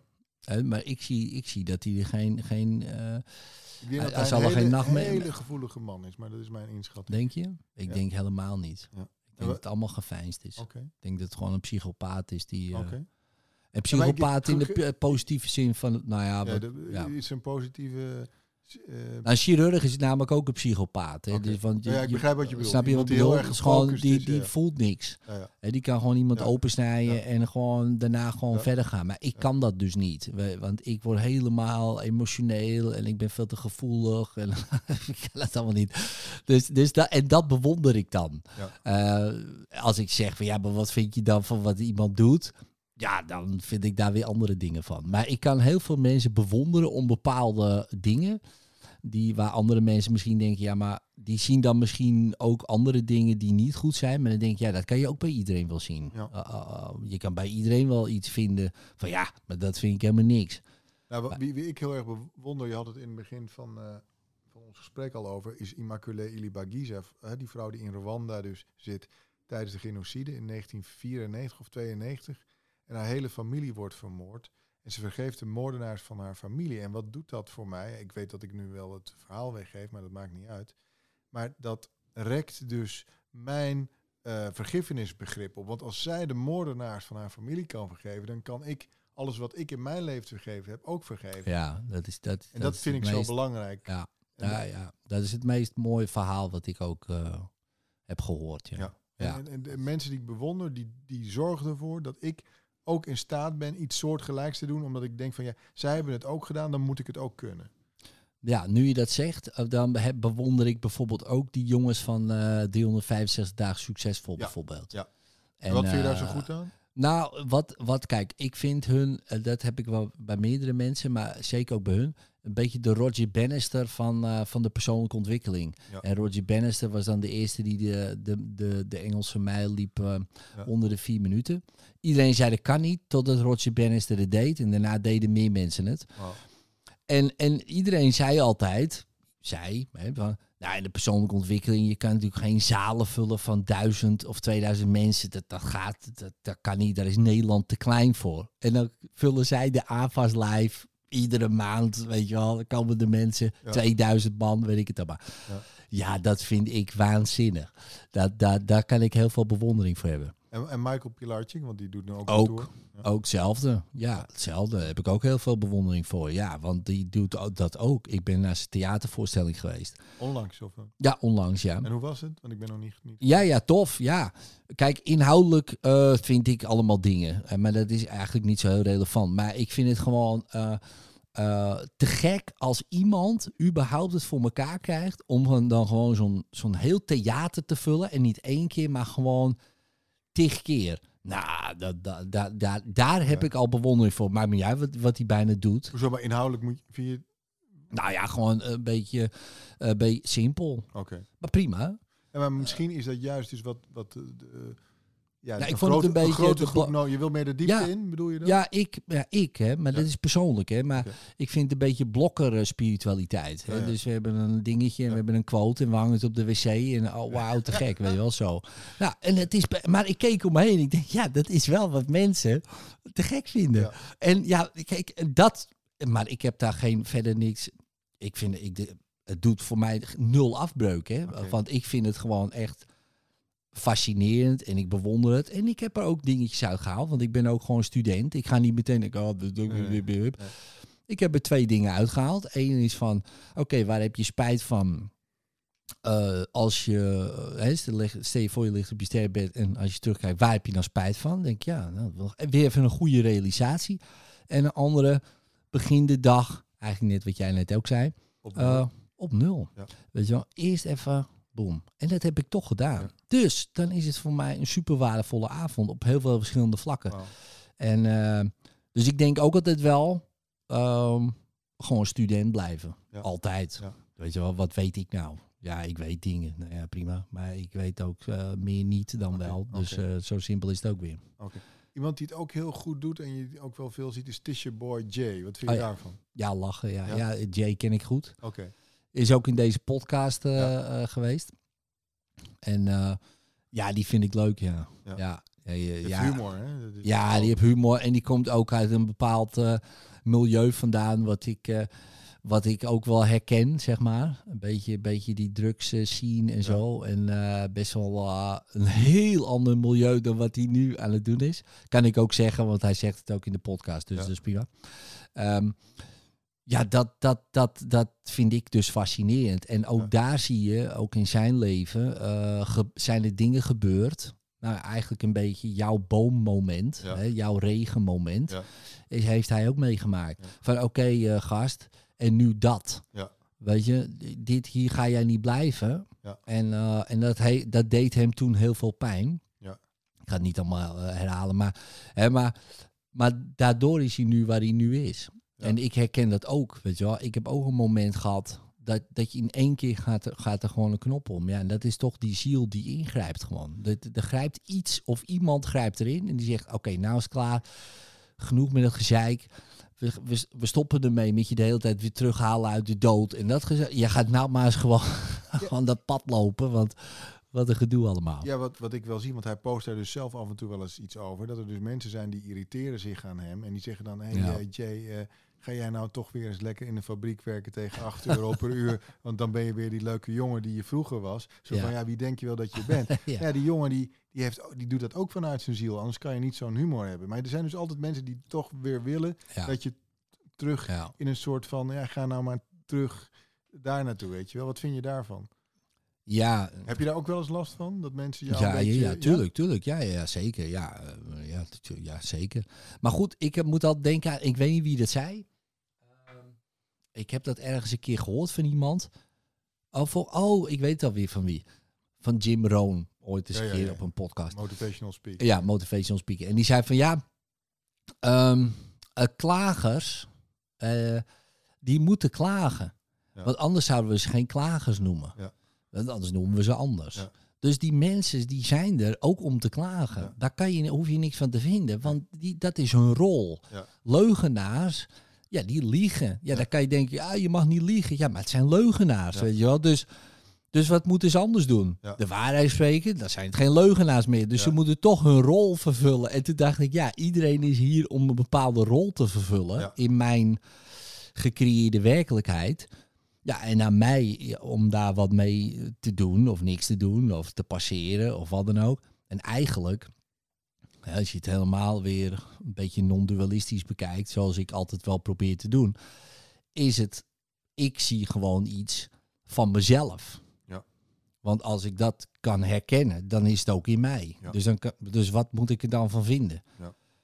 En ik hoorde een keer iemand zeggen, ook die ik geïnterviewd heb, Jan, Jan van Delden, die zei ja, zolang je nog de klaagzang bij anderen ziet, ja, dan ben je er nog niet. Pas als je de klaagzang eh, herkent bij jezelf, ja, Ja. dan begin je eh, een soort van te transformeren en eh, te beseffen, oh, wacht even, de klaagzang is eigenlijk alleen maar in mij en heeft helemaal niks met anderen te maken. Dus, maar dat is ook een proces, hè. Dus de ene dag gaat het, oh ja, perfect, weet je wel, niks aan de hand. En de andere dag, pang, dan komt het wel weer binnen of zo. Wat Ja, heb jij dat ook voor jezelf? Ehm, ja, je hebt altijd wel wat mensen, maar ik heb zoiets van ja, of, of ze missen een deel van de informatie, of ze willen gewoon haten. Hè, dat heb je ook gewoon. Ja, die heb je ook, ja. Haters gonna hate. En Ja, nou precies dat, ja. Ja, ik wil daar niet te veel aandacht aan besteden. Ik, kijk, uiteindelijk nogmaals, als je vanuit je ziel gaat leven, is er maar één autoriteit die belangrijk is. En dat is je ziel. Ja. En een aantal mensen die jou goed kennen, die hebben dan recht van spreken. Maar als ik iemand niet ken en ik vind het onterecht of ik vind dat iemand zijn huiswerk niet gedaan heeft en ze hebben een mening die niet klopt, ja, dat laat ik gewoon eh, los. En soms haal ik wel eens even uit, maar eh, dat is soms denk ik van het is even nodig om iemand gewoon even feedback te geven. Maar meestal doe ik dat niet. Het komt bijna nooit voor. Nee, maar merk je dan ook niet, ik doe het ook wel eens zo, maar ik probeer het dan wel met een grapje te doen, maar het heeft meestal weinig zin. Nou nee, ik heb al heel vaak meegemaakt eh, dat dus door wel contact te zoeken, dat daarna het goed komt en dat de ander zegt, oh mijn excuses, want ik dacht dit en dit en dit en het Ah, ja, allerlei ja. veronderstellingen. Dus Ja, als ik het doe, dan eh, pakt het altijd wel positief uit. Dus ik heb zoiets van, ja, dat zal dan wel een reden gehad hebben dat ik het moest doen. ja. Dat gevoel dat ik ja dat is wel mooi, ja. En meestal komt het altijd positief en krijg je daar dus een betere connectie. Het is altijd, die persoon heeft een disconnectie met zichzelf en met jou. En als je daar dan aan werkt, dan zijn dat vaak de personen waar je juist heel goed contact mee kan hebben. Ja. Het is altijd een schreeuw om aandacht. Ja. En hoe, eh, hoe zie jij eh, het eh, fenomeen eh, non-dualiteit? Dus alles is één en dit is eigenlijk gewoon alleen maar eh, één groot eh, verhaaltje. Nou, wa- wa- wat je dus heel duidelijk ziet in al die near-death experiences, dat op het moment dat ze dus uit het lichaam zijn, dat die filter ehm, van het ego of de persoonlijkheid, die dus de, no- de dualiteit creëert, dat Ja. die dus verdwijnt. Ja, Ehm, ehm, Anita Morjani was op een gegeven moment overgegaan en haar vader was een strikte hindoe en die wilde haar uithuwelijken en daar had ze heel veel ruzie over in het leven. In één keer is zij dus met haar vader eh, in, in, ja, ze zijn beide dan in, in, eh, hè, in overgegaan. En in één keer ziet ze dat haar vader altijd onvoorwaardelijk van haar gehouden heeft. Maar door de conditionering van zijn cultuur en zijn, de, de manier waarop die is grootgebracht, wilde die het beste voor haar. En in één keer ziet ze dus dat die dualiteit bij dat lichaam hoort. Want Ja. dat ego en die persoonlijkheid die de dualiteit creëert, hoort Ja. bij dat lichaam. Op het moment dat je uit het lichaam bent, is er geen dualiteit meer. Is er alleen maar eenheid. Eenheidsbewustzijn. Ja. Dus onze taak is eigenlijk, want mensen zeggen altijd, oh, ik heb last van mijn ego of het ego, dan moet ik wat aan doen. Nee, je moet dus die ziel zoveel mogelijk in dat lichaam trekken. En die ziel zich gewoon, die verwelkomt het ego, waardoor de dualiteit ook oplost. Maar we hebben wel een klein beetje dualiteit en ego nodig om in het lichaam te functioneren. Want je ziet dat al die mensen die uit het lichaam gaan, weten nog wel wie ze zijn. Maar ze, ras, geslacht, cultuur, alle, al die dingetjes die we denken dat we zijn, die zijn er dan niet meer. Dus we hebben Ja, ook wel een klein Ja. beetje ego nodig Ja. om, om van ik ben Edwin en ik ben 47 jaar en ik doe dit en dit en dat. Heb je wel een klein beetje nodig, identificatie met dat lichaam, om hier te kunnen functioneren. Ja. Dat je zegt, ja, ik ben onbeperkt bewustzijn. Ja, dan kan niemand meer met jou. eh, nee. Kom je bij de bakken? Ja, ja, Ja, ja. jongen, ik ben onbeperkt bewustzijn, hè? Wat- ja. kom je doen? Ja. dan ga je toch weer een ego-dingetje. Nee, maar inderdaad. En dan kom je eigenlijk weer uit van... Oké, maar het ego, hè, de mind is a beautiful servant. Yes. Maar dat zou het ook dan moeten zijn Pim natuurlijk. van Lommel zegt het heel mooi. Hè? Je weet wie dat is. Ja. Die zegt, die mind is de interface. Want hij heeft dat ook gezien in zijn werk. Dat dus op het moment dat mensen zeg maar brain dead zijn... en dat, hè, eigenlijk dood zijn... dat toch het bewustzijn volledig functioneert en alles waarneemt. 360 degrees. Dus alles Ja, overal ja, tegelijkertijd. Dus hij zegt, ja, die mind is eigenlijk een interface. En dat is het. Maar die interface moet natuurlijk niet eh, de boel gaan leiden. Ja, dat is Dat heel niet, lastig. dat is niet de bedoeling van een interface. Nee, precies. En dat is ook het on- onderbewuste. Ja. Met al die programmeringen. En ik denk wel dat voor heel veel mensen het wel handig is als dat een beetje lekker loopt. Ja. Hè, dan nog moet je je daar niet mee identificeren. Maar als je natuurlijk trauma ervaart, weet je wel, ook in je lichaam eh, slaat zich dat op en dat soort dingen allemaal. In je hoofd.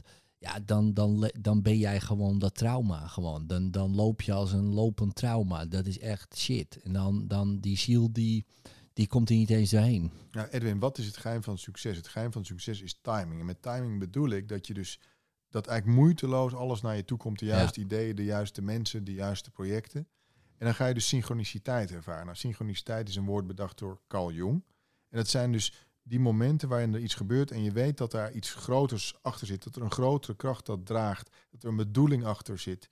Ehm, hè? En, en, en dat ervaar je dus als je in dat eenheidsbewustzijn zoveel Ja. mogelijk zit. En dan gaat alles moeiteloos. Ik geloof dat als je echt op die ziel bent afgestemd, dat ehm, alles wat werkelijk bij jou hoort, wat dus bij die intenties van die ziel hoort, moeiteloos naar je toe komt. Daar ben ik het ook, dat, dat Ja. geloof ik ook meteen, Ja. ja. Ja. Ik denk zelfs dat het er ook eh, al is. Ja. Gewoon, Alles is eh, er al, Alles ja. is er al. Ja. Alleen, en dat is net als dat eh, toen mijn jongens net geboren waren, babytjes, dan eh, zie je alleen maar babytjes. Ja. Je ziet alleen maar babytjes. Je wordt er gek van. Kinderwagens, alles. En dan zijn ze, nu zijn ze puber. Ik zie alleen maar pubers. Ja. Weet je wel, ook op straat. En, Ja. want, hè, dus ook dat onderbewuste is ook zo afgestemd op datgene wat je natuurlijk gewoon mee bezig bent eigenlijk. Ja. Dus ja, ik kan me zeer goed voorstellen als je steeds meer bezig bent met dat. Met bijvoorbeeld synchroniciteit, wat ik denk iedereen wel kan aanraden, überhaupt om daarmee bezig te zijn, weet je wel, om je het een beetje te laten leiden door, nou ja, je hart in, eh, in dit geval, je ziel, maar om gewoon je te laten leiden. Ik denk dat het, eh, ik heb al de metafoor van het schaakbord, weet je wel, ik ben een pion op een schaakbord, zet mij maar gewoon. Ja. En dan kijk ik wel waar ik heen word gezet. Ja. Nou, so- soms is dat best wel lastig, eh, als een beetje halve controlfreak eh zijnde, maar, maar Maar controle is weer het ego. Kijk, zeker eh, ja. Mark Niepo zegt eh, in The Power of the Heart, eh, die zegt follow your aliveness. En Hmm, eh, volg nou datgene mooi, ja. wat je tot leven brengt. En daar gaat het. Er is een energie. Die ziel die spreekt in energie. Wat zegt die energie? Waar krijg je energie van? Eh, probeer dat te volgen. En hoe meer je dat doet, hoe meer je zal zien dat die ziel een hogere intelligentie is. En dan gaat dat hoofd die ziel ook vertrouwen en dat hart vertrouwen. Ja. En dan kunnen ze samenwerken, want je hebt het hoofd wel nodig voor praktische zaken. Ja. Ja. En hoe, hoe doe jij dat, eh, zeg maar, hè? want eh, na die DVD het zei van nou weet je, even een pauzetje, hè, prima, en dan stopt het natuurlijk ook. Want zo werkt het vaak. Ja. eh, dit, ja. En nu eh, ben je weer begonnen. Hoe, hoe, eh, hoe zie je het leven van Baptiste, zeg maar, hoe zie jij dat voor je? Heb jij een idee waar het heen gaat? Of denk je van nou weet je, ik zie wel? Nou, ik was net bij Giel Belen in de show en die zei dat ook. Hè? En ehm, ik weet het niet. Als je mij twintig jaar geleden gezegd had dat ik een film over het hart zou maken, zou ik zeggen, ja, dat gaat nooit gebeuren. En Ja, ik had ook nooit gedacht dat ik een, een, een, boek zou schrijven over Oprah Winfrey en J.K. Rowling en over manifesteren. Maar het zijn allemaal in, energetische downloads. Net zoals verliefd worden, je wordt verliefd. En dan moet je dat dus doen. Weet je? Ja. Ehm, en eh, ik laat me leiden door die energie. En mijn taak is alleen om elke dag maar op die energie af te stemmen. Ja. En dan zal het volgende wel aan mij geopenbaard worden. Eh, maar ik weet echt niet wat ik. Ik weet nu dat ik mijn boek moet promoten. Ja, Eh, en ja dat is weer een traject echt heel kort. Ja, zeg Ja. maar, korte Maar termijn. ik weet niet ja. wat ik over twee jaar ga doen. Nee. Maar dat hoef ik ook niet te weten. Ik wil gewoon zoveel mogelijk op mijn ziel afgestemd Nee, zijn. precies. En mijn Ja. ziel zal mij de weg wijzen. Ja. En dat is authentic power. Hè? Dat, dat dus de persoonlijkheid, de energie van de ziel gaat dienen. En dat betekent dus, het staat heel duidelijk in mijn boek, dat je je zoveel mogelijk afstemt op je ziel en erop vertrouwt dat jouw ziel, die oneindige intelligentie is, onvoorwaardelijke liefde, jou de weg wijst als je maar op die energie blijft afstemmen. Ja. Dus dat is mijn taak. Ja, dat is En dat ieder- is, Eckhart Tolle zegt ook mooi, de kracht van het nu, in het nu zijn. Dat Ja. is ook kracht van de ziel. Eckhart Tolle weet, als, als hij gaat praten, ik heb hem heel veel live gezien, ik heb drie dagen met hem mogen doorbrengen, toen ik hem mocht interviewen voor de Power of the Heart. Ja, die gaat gewoon eh, channelen, weet je. ja. Eh, die zegt gewoon, oké, dat gaat open, het luikje, en nu ga ik eh, die ziel laten praten. En dat is wat hij doet. En ik heb hem twee keer in de Doelen gezien in Rotterdam. Ja, je kan een speld horen vallen als hij er is. Fascinerend. hè? Ja. Ja, dat is Ja. mooi. Ja. Ja. en ik denk dat het. eh, ik zit even te kijken. Ja, mooi man. Ik denk dat het ook een mooie afsluiter is. Oké. Ehm, dat, ehm, dat, dat laatste wat je zei van ehm, eh, je laten leiden door je ziel. Ik denk dat dat niet alleen voor jou van toe, maar voor iedereen denk ik van toepassing is. Ja, ik zou zeggen, lees mijn boek. Sowieso. Ik heb het heel toegankelijk geschreven. ja, absoluut. absoluut. Kan ik beamen. Ehm, er zijn drie vrouwen die in een hele slechte startpositie zitten en toch heel veel succes eh, bereikt hebben. En ik vraag altijd aan mensen, was jouw startpositie slechter dan een van deze vrouwen? En ik heb tot nu toe niemand gehad die zegt, mijn startpositie was slechter. Ja? Dus als zij het kunnen, dan kan jij het ook. Dat betekent niet dat iedereen miljardair gaat worden zoals nee, Oprah Winfrey en J.K. Rowling. Nee. Maar het gaat er wel om dat jij trouw bent aan die fluistering van je ziel. Ja. En dat jij veel meer potentie hebt als je op die in- Ja. oneindige intelligentie van die ziel afstemt. Ja. En dat jouw leven laat sturen. En ik denk dat dat voor iedereen eh, eh, de taak is, toch? Yes. Het leven. Ja, Yes. mooi man. Hey, thanks man. Dankjewel Was man. een, eh, Fijn dat je me uitgenodigd was hebt. een Fijn eh, gesprek. mooi gesprek. was een Yes. mooi gesprek. Ik weet niet, ik ga even kijken hoe lang. eh, Hoe, hoe lang is het? 1 uur en 13 minuten. Oh, perfect. is, dat, man. is dat genoeg? Dat is een fijne moeten, we podcast. nog even, moeten we nog even 20 minuten eh, Wat jij verder wil. praten? Wat wil. Volgens mij hebben we eigenlijk alles wel... eh, Nee, ik vond het een mooi Ja. einde. Ja. En gewoon omdat ik denk van... ehm, eh, zo zo voelt, voelt het voor mij. Ik denk als iedereen dat zou doen... Ja. En ik, ik zeg wel eens gekscherend als ik hier naar buiten loop... en ik kijk al die mensen in de flat...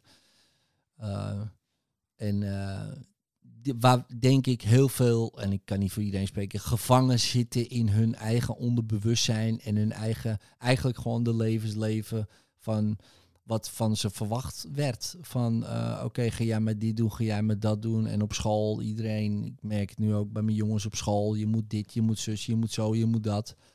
Ja, maar zo, zolang eh, de ziel niet gaat saboteren, eh, gebeurt er ook niks. Hè? Nee, Kijk, bij mij ging die ziel heel erg protesteren van ja, dit is niet de weg. Als je dat niet ervaart, dan gaat er niks veranderen. Al de mensen die ik geïnterviewd heb voor de Power of the Heart, die wilden ook gewoon dat cursus hebben. They just wanted to be normal. They just wanted to fit in. precies. En in één keer is er een hele grote crisissituatie en al het lineaire, al het logische, al het rationele wat ze geleerd hebben, werkt niet meer. Dus ze moeten uit een ander vaatje tappen. En dat is dus intuïtie en de ziel. Dus mensen kiezen niet voor die ziel. Je ziet het ook bij die vrouw in eh, Rwanda. Ja, ja. Hè? Die zit in die, in, die, in, in die badkamer drie maanden. Ze weet dat iedereen in haar familie wordt uitgemoord. Ja. En ze voelt gewoon van ja, zoveel woede. En ze zegt, God help mij vergeven, want ik weet niet... eh, ik denk niet dat mijn lichaam dit nog langer aan kan, want ik ben zo boos en ik voel me zo machteloos. En ze zegt, help, help me om te vergeven. Dus ze, alles wat ze geleerd heeft, werkt niet meer. En ze moet dus met iets anders contact maken. En dat is met die ziel. En daardoor kan ze vergeven. Dus de ziel is de uitweg. Maar je gaat er alleen naartoe als er een noodzakelijkheid is. En al het andere wat Ja. je kent niet meer werkt. Oké, ja. ja, want nu je dit zo zegt. Kijk, ik denk iedereen die ik ken die, eh, die zo'n, eh, noem het een eh, verlichtingservaring, ontwaking of wat dan ook heb gehad, is altijd hulp. Ja. Of ze vragen hulp, of ze Ja. krijgen hulp. Maar ja, met andere woorden, je zou ook dan kunnen zeggen, ja, hele volkstammen willen die hele hulp gewoon dan Nee, nee. eh, niet per se, toch? Maar je eh, zo- en dat is toch ook prima dan? Ik Nee, bedoel, nee, maar kijk, als er geen noodzaak is, Nee. eh, dan hoeft het ook niet. Kijk, als je naar de Boeddha kijkt, ja, de Boeddha die was niet op zoek naar verlichting. Nee. De Boeddha was op zoek naar een weg uit het lijden. Ja. Ja, dus, en, en dus als er geen lijden is, is er geen noodzaak. Tenzij je natuurlijk in de persoonlijke ontwikkeling zit en je wil meer bereiken. Iemand die honger heeft en meer wil bereiken en zegt, ja, ik, ik zit aan een plafond, hoe kom ik daar doorheen? Die gaat ook op zoek naar manieren om daar door te breken. Ja. Dan moet je wel honger hebben om dat te doen. ja. En waar komt honger vandaan? Ja, het ego kan ook heel veel honger hebben natuurlijk. En soms kan het Zeker. ego je naar nieuwe hoogtes brengen. Persoonlijke ontwikkeling is Ja. ook een valkuil. Ja, ja. Of dus, kan. Dus, dus, maar bijvoorbeeld Eckhart Tolle is iemand die enorm intelligent was aan het promoveren op Cambridge. En die had zo'n groot ego dat hij zo aan het lijden was. En toen zag je in één keer, toen zei hij, hij wilde zelfmoord plegen. En hij zei, I cannot live with myself anymore. Dus er zijn er twee. In één keer zegt hij, hey, er zijn er twee. Eén, I en myself die niet meer met elkaar kunnen leven. ja, ja, ja. Toen zag je het in één keer. ja.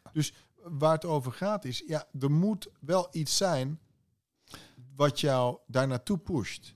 Want er zijn heel veel mensen die hebben, ja, die, die, luisteren hier niet naar en die zijn hier niet mee bezig. En dat is ook ons probleem niet en onze zaak ook helemaal niet. Weet je? Nee, klopt. Maar wat, wat denk jij dan dat het is? Ja, je zou kunnen zeggen van eh, een soort van... eh, eh, hè, als we kijken naar bijvoorbeeld alle parallele werkelijkheden. Nou, kijk, ehm, ik zei het tegen Giel ook. Hè, ehm, eh, ik, ik heb een garage hè, waar ik mijn auto breng af en toe voor herstelwerkzaamheden in België. En daar ligt dus man onder die auto te sleutelen de hele tijd. En die is volledig in zijn element. Ja. Die is volledig zen. Ja. En die wil alleen maar dat doen. En als je daar komt, die energie, die zit vol met liefde. En volgens mij is dat een beetje het antwoord van... Jij moet je element vinden. Ja, en als je dat Ja, ja, vindt, ja. Dan ben je er. dan ben je er. En, Ja. en, en gelukkig heeft iedereen een ander element. Want Ja. als we allemaal hetzelfde zouden willen, eh, eh, als, als heel de wereld hypnosekoning wilde worden, ja, dan Nee, dat kan niet. Hè. dat kan Dat is niet. maar één. Ja, ik kan er maar één, één dat doen. Snap je? dus het, is heel belangrijk dat wij onze soul signature vinden. En Mark, Ja. Mark Niepo zegt, a fish cannot drown in water. A bird cannot fall from the sky. Ja. Dus een vis Dat weet dat hij moet zwemmen. En een, vogel weet dat hij moet vliegen. Ja? Ja. Dus ehm, jij moet jouw element vinden, maar dat, daar is geen gebruiksaanwijzing van. Hey, Nee, Edwin is nu geboren en hier is de handleiding van Edwin. Dat, dat, dat kan je alleen maar doen. Je kan alleen maar contact maken met je blueprint wanneer je dus je hart opent en contact maakt met je ziel. Want je ziel bevat de blueprint, de soul signature, ehm, van waaruit je zou kunnen leven. Ja, mooi man. Ja, ik moet denken aan mijn collega De Bouw.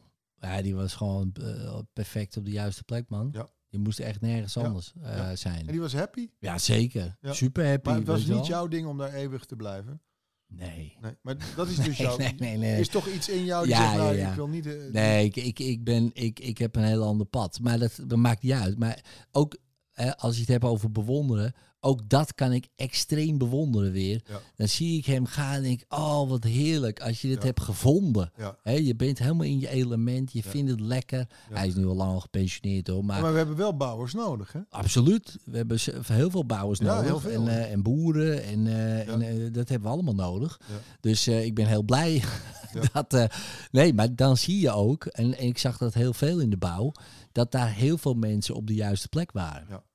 En ook heel veel jongens, Ja. eh, echt wel best wel van een bepaald milieu soms. En dan, en dan eindelijk iets met hun handen kunnen doen. Eindelijk iets kunnen bouwen waar mensen blij mee zijn. Ja. En dat ze daar waardering voor kregen. En dan zeg ik, shit man, eh, dat heb ik eigenlijk nooit gehad, weet je wel. Waardering voor überhaupt iets.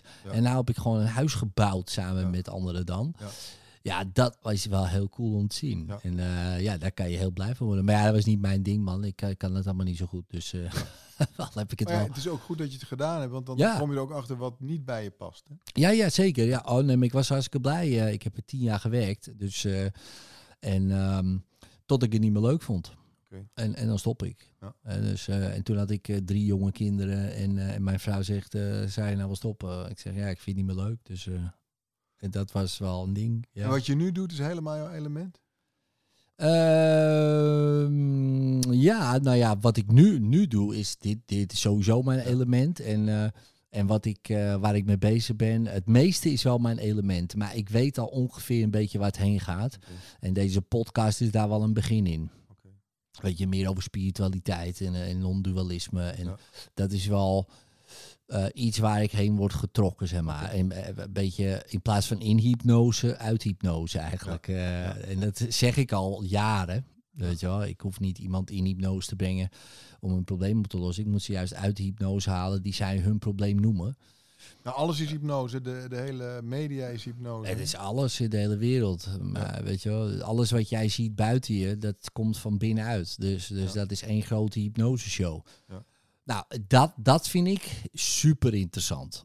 Dus daar word ik wel naartoe getrokken en daar gaat wel iets ontstaan en we kijken wel wat er gebeurt. Maar ehm, ja, en deze podcast was eigenlijk opeens een brainwave. Dat is ook grappig. Van ik denk, ik wil alleen maar mannen interviewen. Eh, geen vrouwen. Eh, om maar even lekker discriminerend eh, erin te gooien. Omdat ik echt wel een soort mannengeluid miste in, in, de in de spiritualiteit. Ja, je hebt zat mannen hoor, maar, eh, maar de- ik, dat vond ik. Maar, en dan vooral mannen die, ehm, die ook best wel, waarvan je niet verwacht. Nou, voor jou kan je het nog wel verwachten, want je hebt een boek geschreven. Maar ik had laatst een interview met, met bijvoorbeeld een vechtsporttrainer. Hè, dus die eh, heeft allemaal... eh, ja, die is heel veel betrokken geweest in allerlei titels van de UFC en de Glory en de K1 en zo. En die is ook super spiritueel. Alleen ja, die stuurt gewoon wel mensen een kooi in om gewoon eh, te rossen. Ja, ja, ja. Weet je wel? En dat, dat vind ik mooi. Dat, dat, lijkt een, hele dat lijkt een tegenstelling. Hè? Ja. Dat lijkt een tegenstelling, maar toch eigenlijk als je weer terugschakelt naar waar, waar- ook waar, jij nou boek, waar jouw boek over gaat. Dat is zijn, precies zijn missie om te doen. En hij leeft echt, nou ja, hij leeft eigenlijk precies gewoon ook wat jij beschrijft in je boek. Alleen in de vechtsportwereld. Ja, dat vind ik wel, eh, nou ja goed, dat soort verhalen vind ik super interessant. Ja. En, ehm, en dat hoor je ook niet vaak. Want ja, en ik ken ze toevallig. Dus, eh, en met mij willen ze er dan wel over praten. Maar verder liever niet of zo, weet je wel. Nee, nee, en, dat, en dat vind ik leuk, ja. Ja. Mooi. Nou, ehm, we gaan afronden. Dankjewel. Ja, jij ook bedankt. Ja, was zeker een leuk gesprek. Echt tof om je eh, in het echt te ontmoeten. Ik ben ook blij dat je aan de dresscode hebt gehouden. de spijkerbroek dresscode. Nee, echt eh, zonder gekheid, man. Dat was echt eh, tof. Ik vond het een eer om je in de podcast te hebben. Dankjewel. Ik vond het leuk. En ehm, ik zou zeggen aan iedereen die dit eh, tot nu toe nog steeds heeft geluisterd, koop Baptiste zijn boek en kijk zeker ook die DVD, hè, poweroftheheart.com, hè, staat Ja, die op? De, de film staat De op- film, hè, de, de film. film staat op de Power of the Heart DVD com, heeft ja. niemand meer, ja, Nee. onze generatie misschien nog, maar Hey, dus mijn boek is Leren manifesteren zoals Oprah Winfrey en J.K. Rowling. Is nu overal verkrijgbaar.